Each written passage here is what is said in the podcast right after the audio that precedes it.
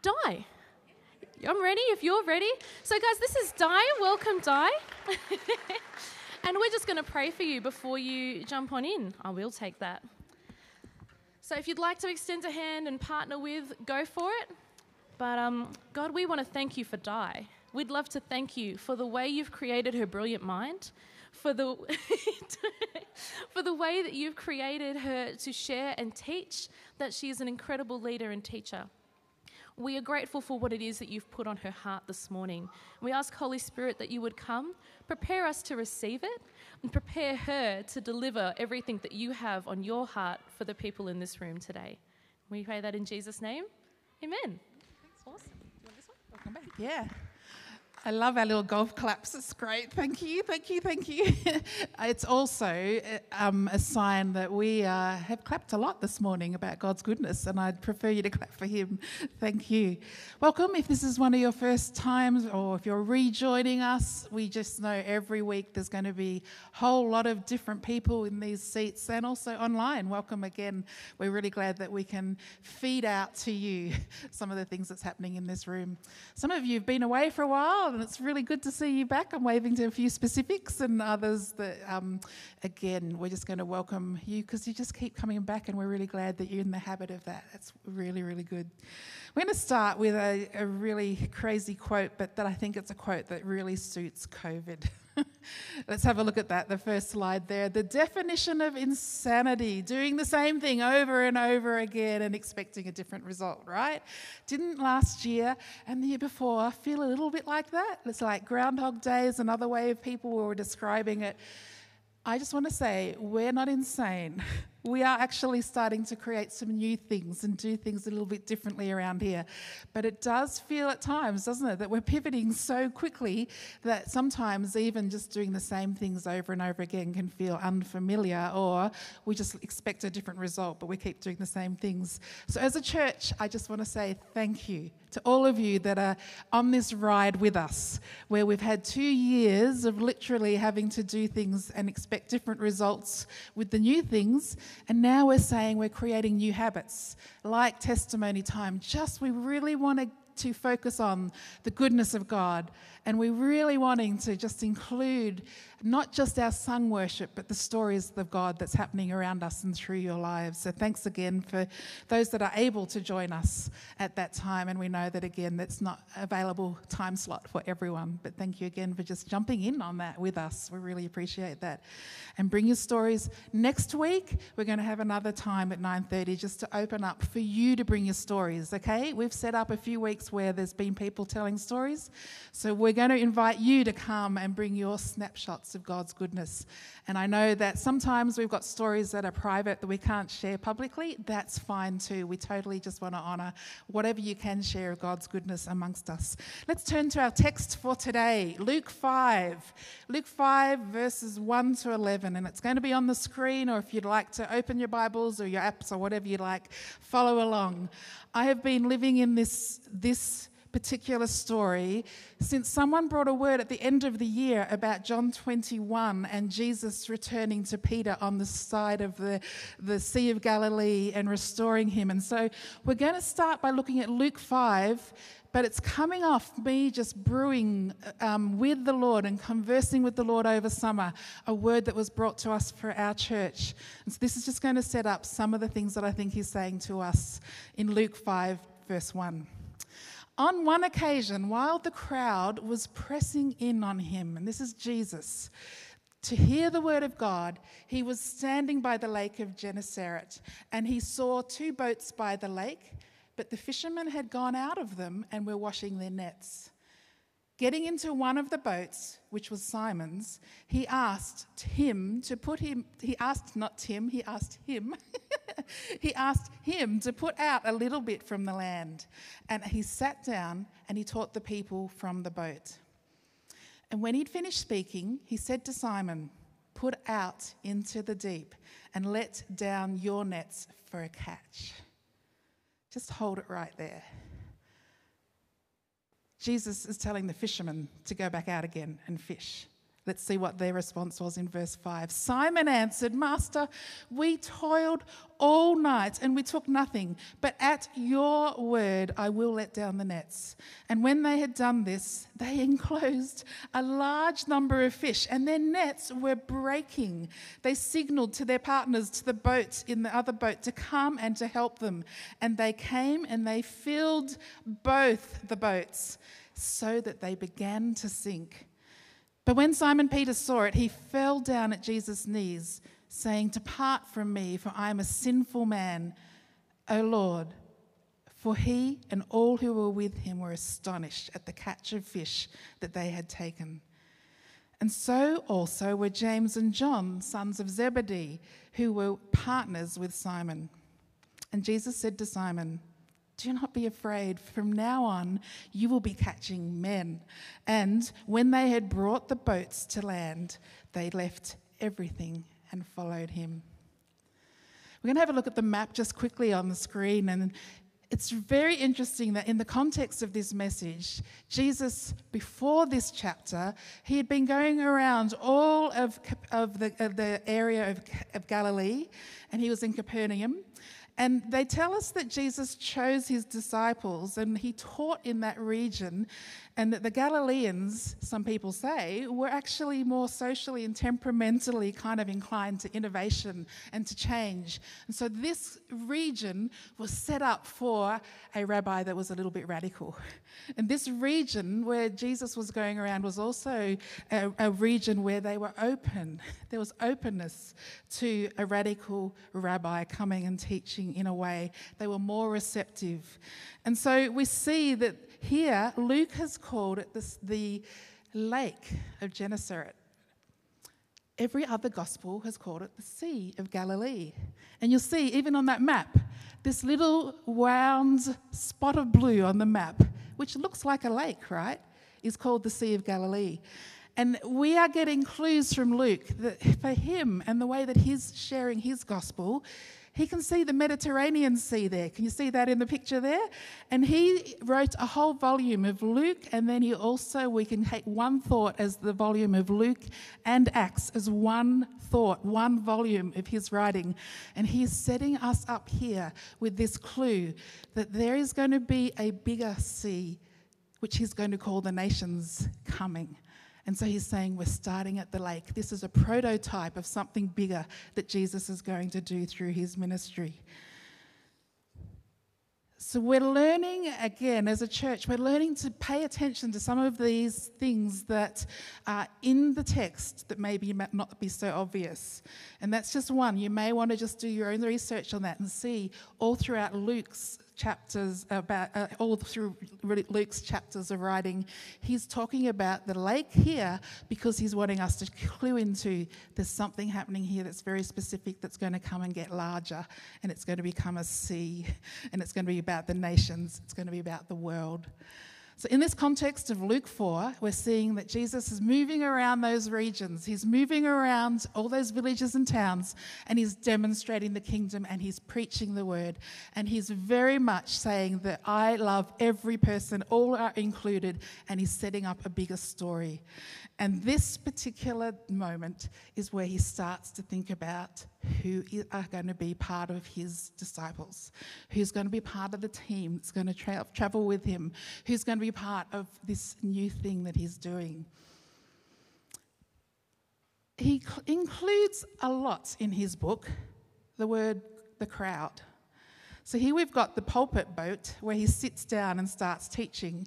But the crowd's a big part of this story as well verse 1 says, On one occasion, while the crowd was pressing in on him.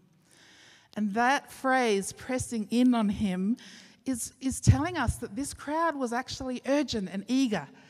And right at the end of Luke's book, in, in chapter 23, verse 23, he uses that same phrase, pressing in. This time they're not eager, they're saying, crucify him in chapter 23. So, focusing on the crowd here, Luke's telling us, giving us a technical point here in the text, that this crowd was pressing in with hunger. This crowd was pressing in urgently because they wanted to hear Jesus speak with authority. Why is that important? Why is it important to use the word crowd in so many times throughout Luke? And I've made a little snapshot for those of you that would like to maybe dig deeper into that. You can take a photo if you like. We're not going to land in this. But on the next slide, you'll see he's just through some of the chapters at the start of Luke where he talks about the crowd. And what he's telling us is that there are times that when the crowd is positive, they become a part of the people of God and a part of the ministry of Jesus when they respond positive. In Luke 23, we see that they're yelling, Crucify, crucify, and they don't engage with the word and the king. And so here, Luke's telling us that crowd can become a people, a community of the kingdom of God if they approach with hunger and if they be part of what's going on following Jesus, pressing in with an urgency of wanting to know more from him. They become part of the story and they become part of the kingdom breaking in. The crowd here is positive. The crowd here is attracted to Jesus. They have seen him do miracles, they have seen healing, they have seen deliverance, they have seen their friends changed because of his ministry. So here Jesus is setting it up at the edge where he's standing on something stable, the ground, and the others are, are sitting in their boats working in the water. Not so stable. Water, chaos, swirl. Reminds us of Genesis 1, right? Something's about to happen. So this boat becomes the pulpit, and this boat is also going to become a place where Peter is going to be emerging out of Simon. And we'll see that as we move along. Remember Peter, the one that got the keys of the kingdom? This is Simon who's going to become Peter. And he's sitting in his boat in frustration. Nothing. We caught nothing. And can you imagine your response if you had been working all night and then Jesus comes and says, Push out again? In verse 5, it says, They fished all night and caught nothing. And again, those of you who are fishermen, you know the best time of day to, to fish, right? Any fishermen in here? Fisher ladies? No, we're not fisher people. Yeah, there's a couple of you. I just find that the most boring thing. I just haven't got the patience to be a fisherman, but a lot of you just sit in that space and then you have a lot of success. These guys, this was their business, this was family business. And so some of these fishermen they did fish during the day, but they weren't so successful when they fished during the day because it was hot. Not only it was hot for them, but the fish also hid into the deep of the waters, right? So all that's just natural um, ways of interpreting what's going on here. They fished at night because that was when the fish were near the surface and when they could actually catch with the nets that they had designed to throw and pull them in from the surface of the water. They fished all night in the dark. And then Jesus comes and sits in Simon's disappointment and probably a sense of failure. He's got bills to pay. He's got a family to provide. Well, he's got family that he's providing for, extended family. And he's sitting there in disappointment. And Jesus is saying, Push out again. Go back to that spot of your disappointment. Jesus doesn't actually choose overcomers when the church started. In fact, God has people all through his story who are trying the best that they can, and often they're in the dark in their times of adversity, and they come up with nothing. And God says, I'm going to choose that one. I'm going to choose that one.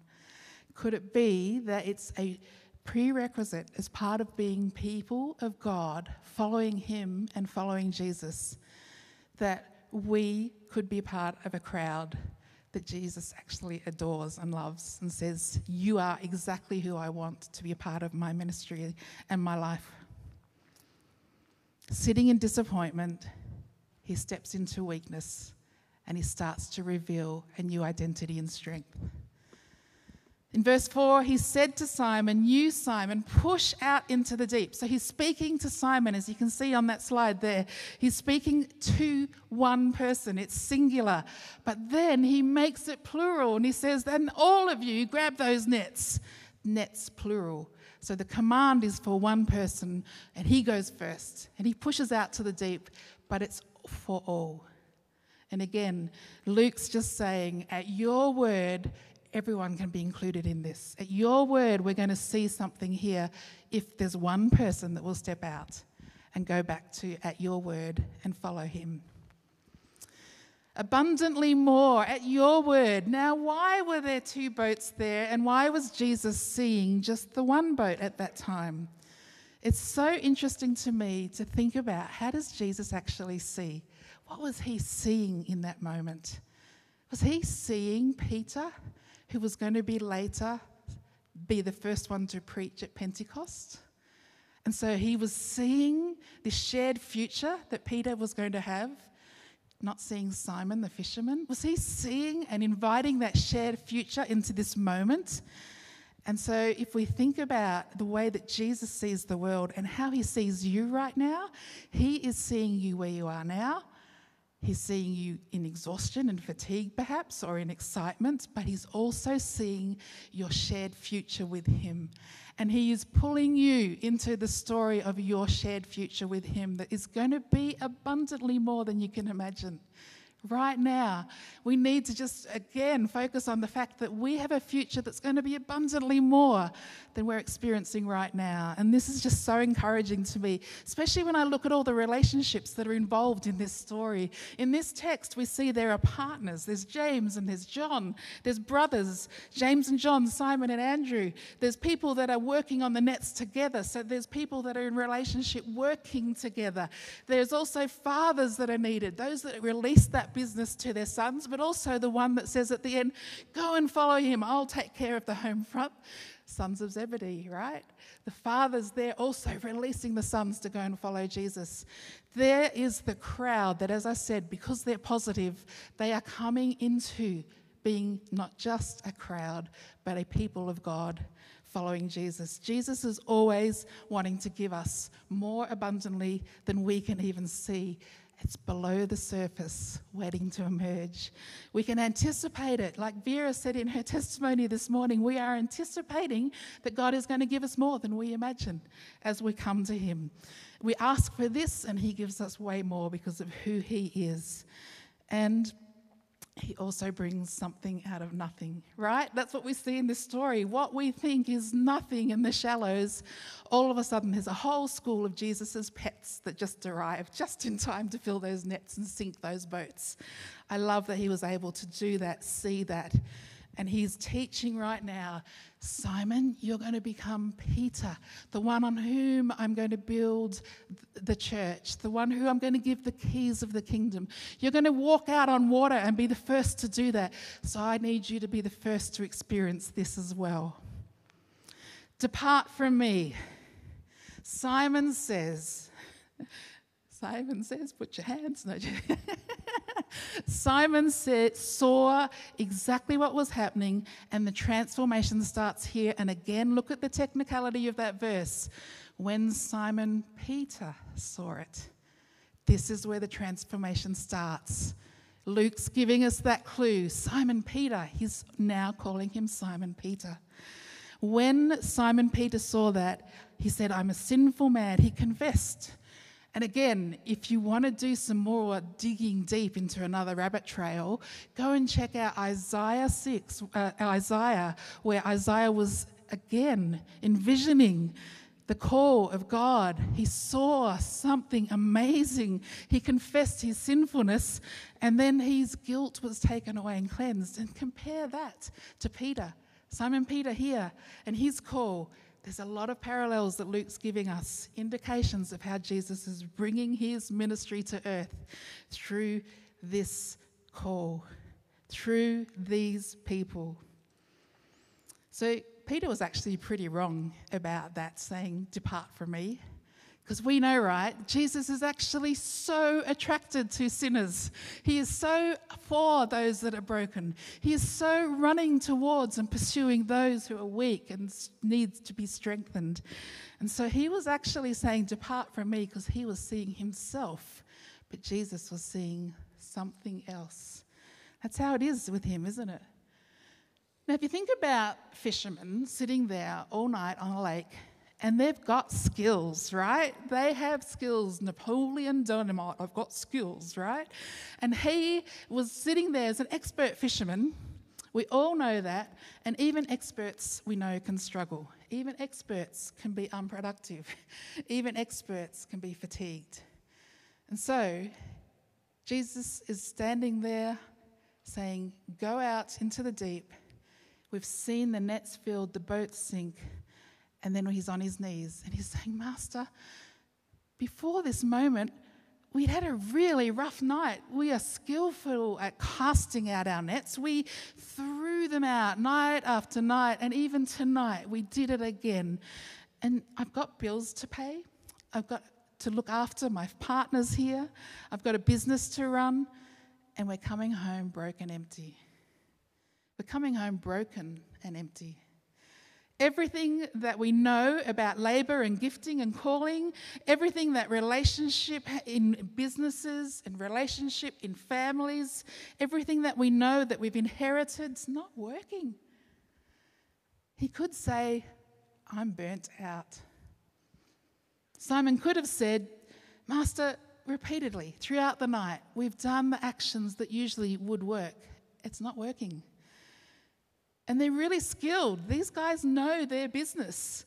Where they were doing something and it wasn't working, they weren't able to pay into their future. And they were feeling the pressure of that. And so, this is the backdrop that Jesus is standing at the edge of this lake. And he's about to transform not only hearts, he's about to transform lives and say, There's something more. Let's talk a little bit. And this is Peter's moment. This is Simon Peter's moment. The crowds are pressing in, but this is between Jesus and Simon.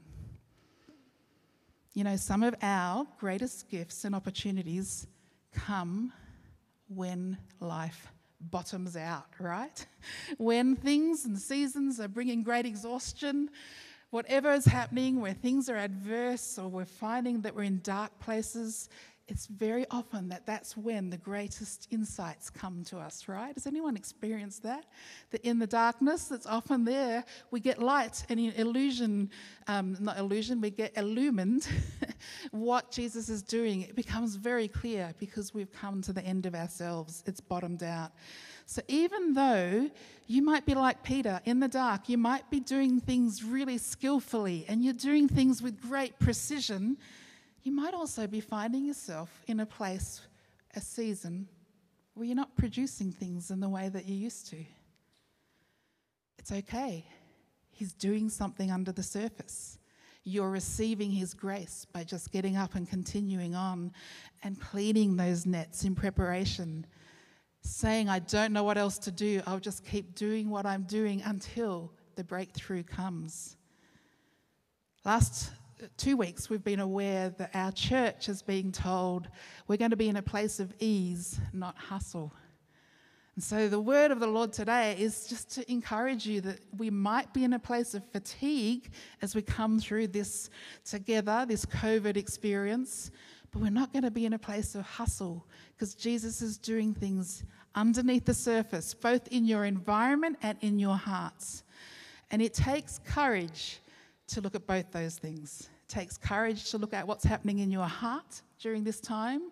If it's dark, if it's not your heart, but if it's a dark environment, if you're in adversity, it's hard to look at the things that are coming up in us at that time. But we are a people that we're wanting to allow things to surface and say, Jesus, would you depart from me? I feel just like I'm undone and I'm a sinner. And He brings the perspective to you about how He really sees you. So here He is saying, Simon, do it again. Push out. Simon, do it again. Go deeper. And the command is for Simon, but it's also for his followers and for the crowd. It's all happening at once. Peter goes first, as he does many times later. He's, he's the first, but there are always followers coming in behind what Peter's doing. And so he says, I want you to go back to that place where you tried, where you failed, where things weren't producing. I want you to go back to that place where you worked hard all night, and I want you to see what I can do. Peter is coming. Simon is being overwhelmed. by the ministry of Jesus. And it's all embodied in relationship. It's all held together in relationship. You see, when Jesus looks at you, he sees your shared future with him. He sees where you've come from. He knows what you're working on right now and who's in your world. And He also knows where you're going to end up, what you're doing with Him in the future. It's a shared vision. And as things come to the surface, as things are brought to Him, you're going to notice that He's going to change and transform you to become even more like Him. And it's part of the processes of God where we have this unique readiness in our vulnerability to actually see things differently because everything else has just stripped away as we see here. And if you look in the Old Testament, the word dark is very often about adversity. It's part of our story. And adversity is also part of where we see the light the most clearly in the dark times. So, under the surface, there's provision for you that's abundant. Under the surface, there's healing and there's identity that's going to rise to the surface. And here's what Matthew writes about this kind of feeling of being fatigued. He writes in Matthew 11 Are you tired? Are you worn out? Burned out on religion? Jesus says, Come to me.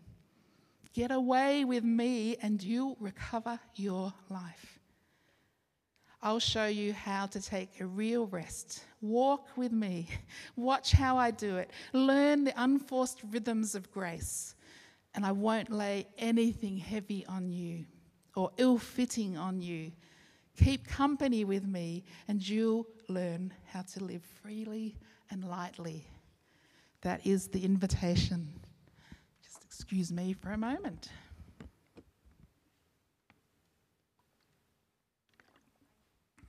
So, as we come into land, there's a few things that we're just going to move through. And the first thing that I feel like the Holy Spirit's really wanting to push into our hearts and our experience is He's given you a new name. You have a new identity, just like Simon Peter, because you know Jesus and are following Jesus. And those of you that are being invited into that relationship, He will give you an identity that is amazing. And He sees your truest identity, and He's always calling that through to the surface so that we also get to celebrate who you are with Him.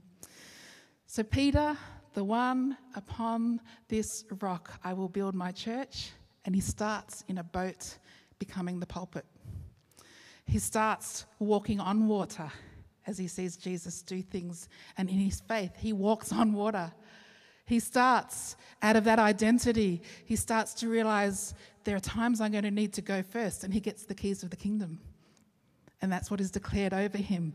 Peter is also the one that's going to preach on Pentecost and he's going to be preaching the very first one as he sees the crowds. He knows what to do because he's walked that walk with Jesus. He's walked and he's been taught, and he's also been with Jesus. And he knows this is the opportunity to tell the good news, and he stands up and he does it because he's been formed and transformed from the fisherman to the preacher to the apostle. Master, at your word, I'm going to push out again. Luke's helping us to see that we get chances again to push out into the deep. And this year, we're going to need to keep pushing out into the deep because that's our place of growth. We're going to need to break that insanity of doing things over and over and over again and find a new way of doing things as a church because we've got that opportunity to follow Jesus, not as a crowd, but as his people okay, as his called out ones. Those nets were ready and that they still broke. Those nets were clean, and yet the abundance was so much that they needed two boats, and it still sunk both the boats. I wonder how you think our readiness is. How's your readiness right now? When the abundance comes, how's our readiness? You see, when God builds a community, when He's building a people, He's also building persons, not individuals. Let me say the difference there. So, the persons of Father, Son, and Holy Spirit are a community. He's building us as persons that go out to persons, not as individuals, because individuals are set apart doing their own thing. We're going to learn in this journey what it is to be in the image of God, persons going to persons. I feel like that's going to be something that I'm going to dig deeper into, but I feel like we need to change it from individual walk to community walk that's going to be persons.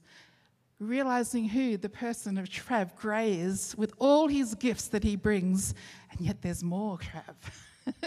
Realizing that Britt Gazer, sitting here at the computer, who is the smartest person I know with all the tech stuff, has also got all these gifts as a part of her personhood, and that God is just going to continue to draw them forward and we'll see them and celebrate them.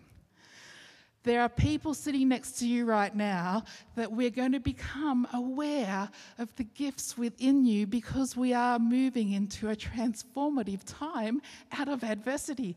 And so the light's going to shine on gifts, and you'll think that I didn't have that gift before COVID.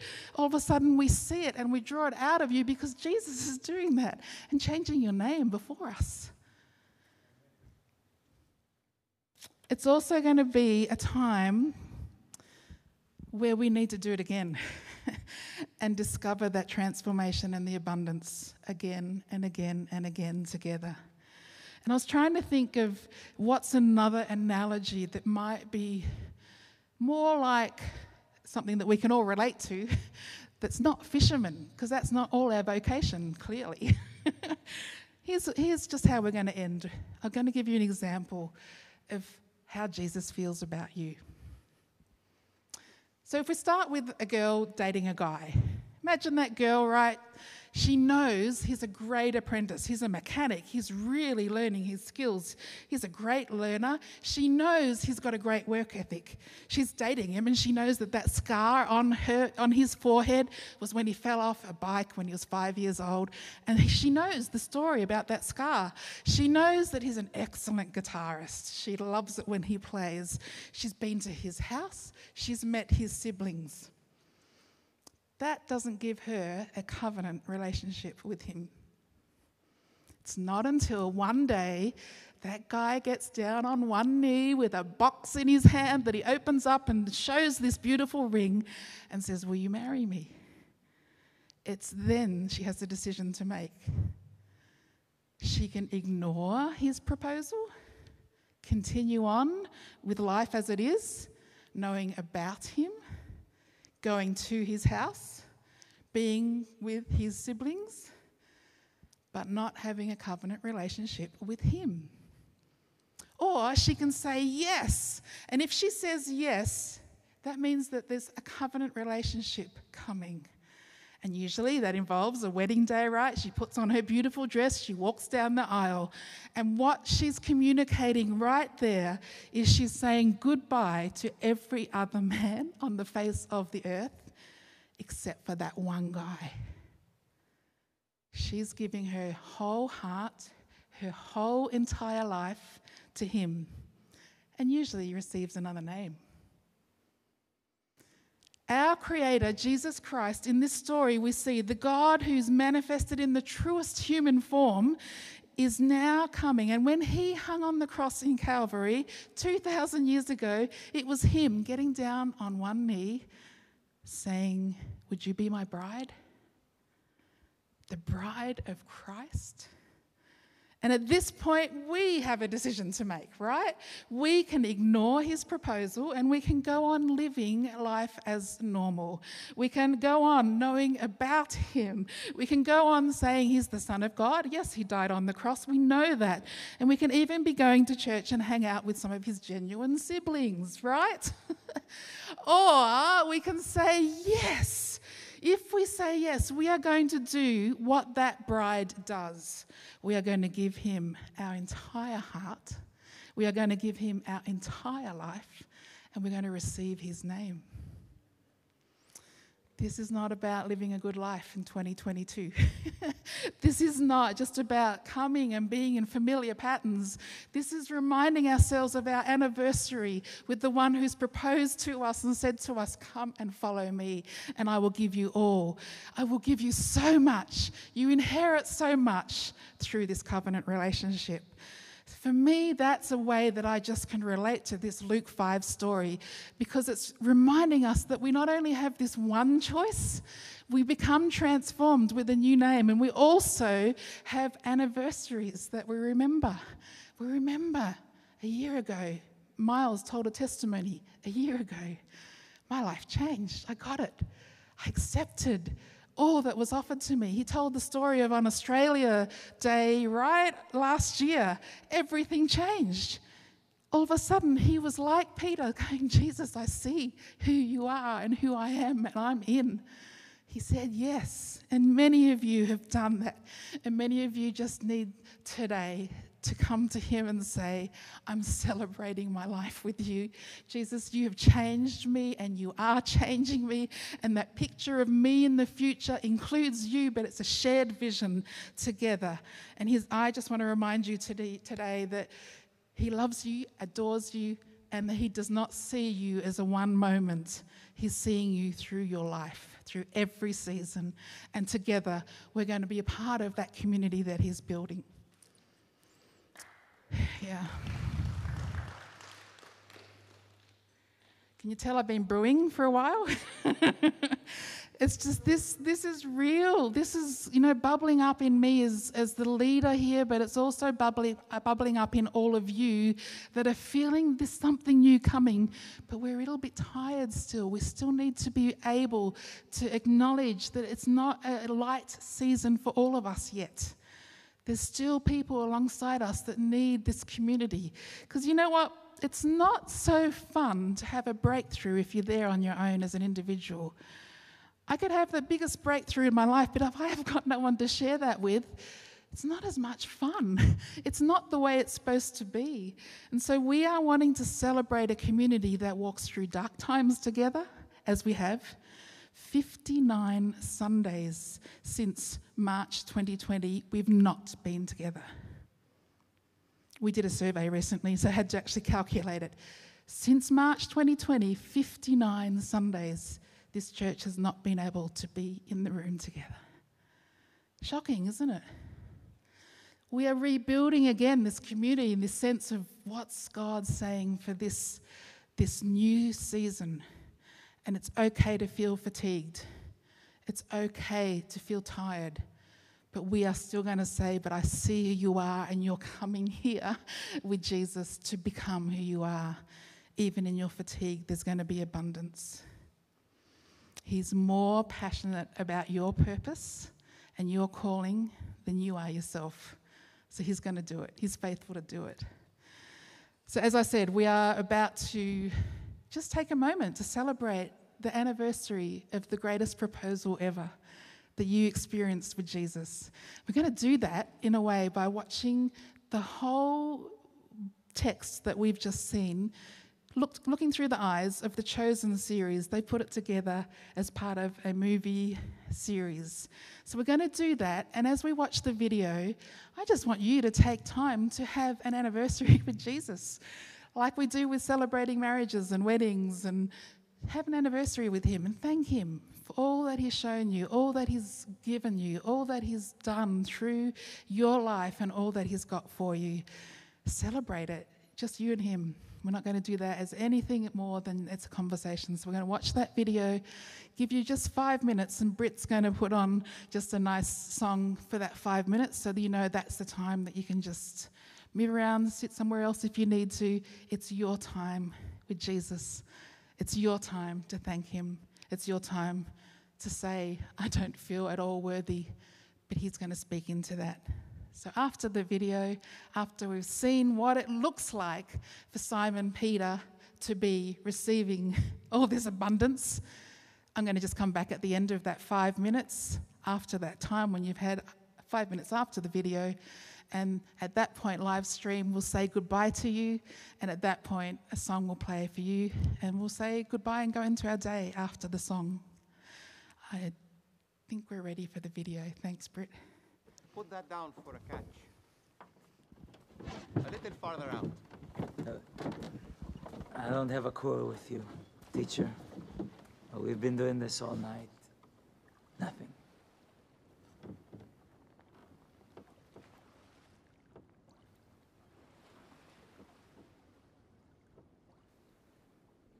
All right.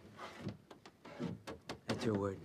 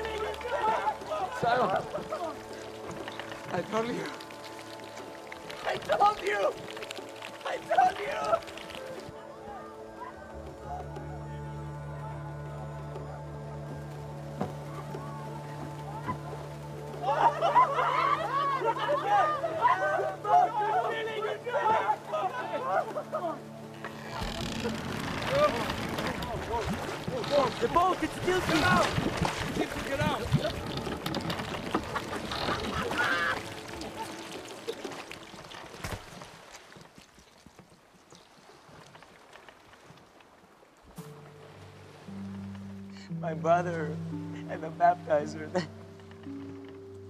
you are the Lamb of God, yes? I am. Depart from me. I am a sinful man. You don't know who I am and the things I've done. Don't be afraid, Simon. I'm sorry. We, we've waited for you for so long, we believe. But my faith, I'm sorry. Lift up your head, fisherman.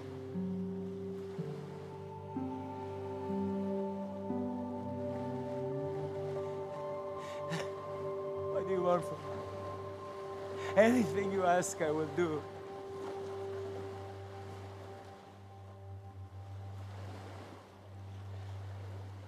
Follow me.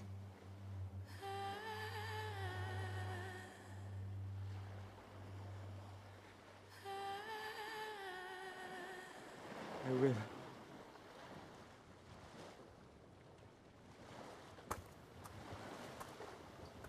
Rabbi.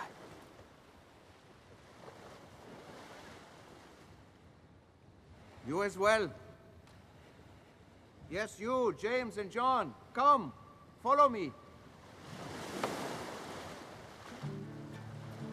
I'll take the fish into market and settle up Simon's debt. I'll get some help to fill both of these boats. Are you sure? Yes, go! What will you tell Ima? We've just been called by the man we prayed for our entire lives. And you ask me, what will I say when you miss supper? go, now!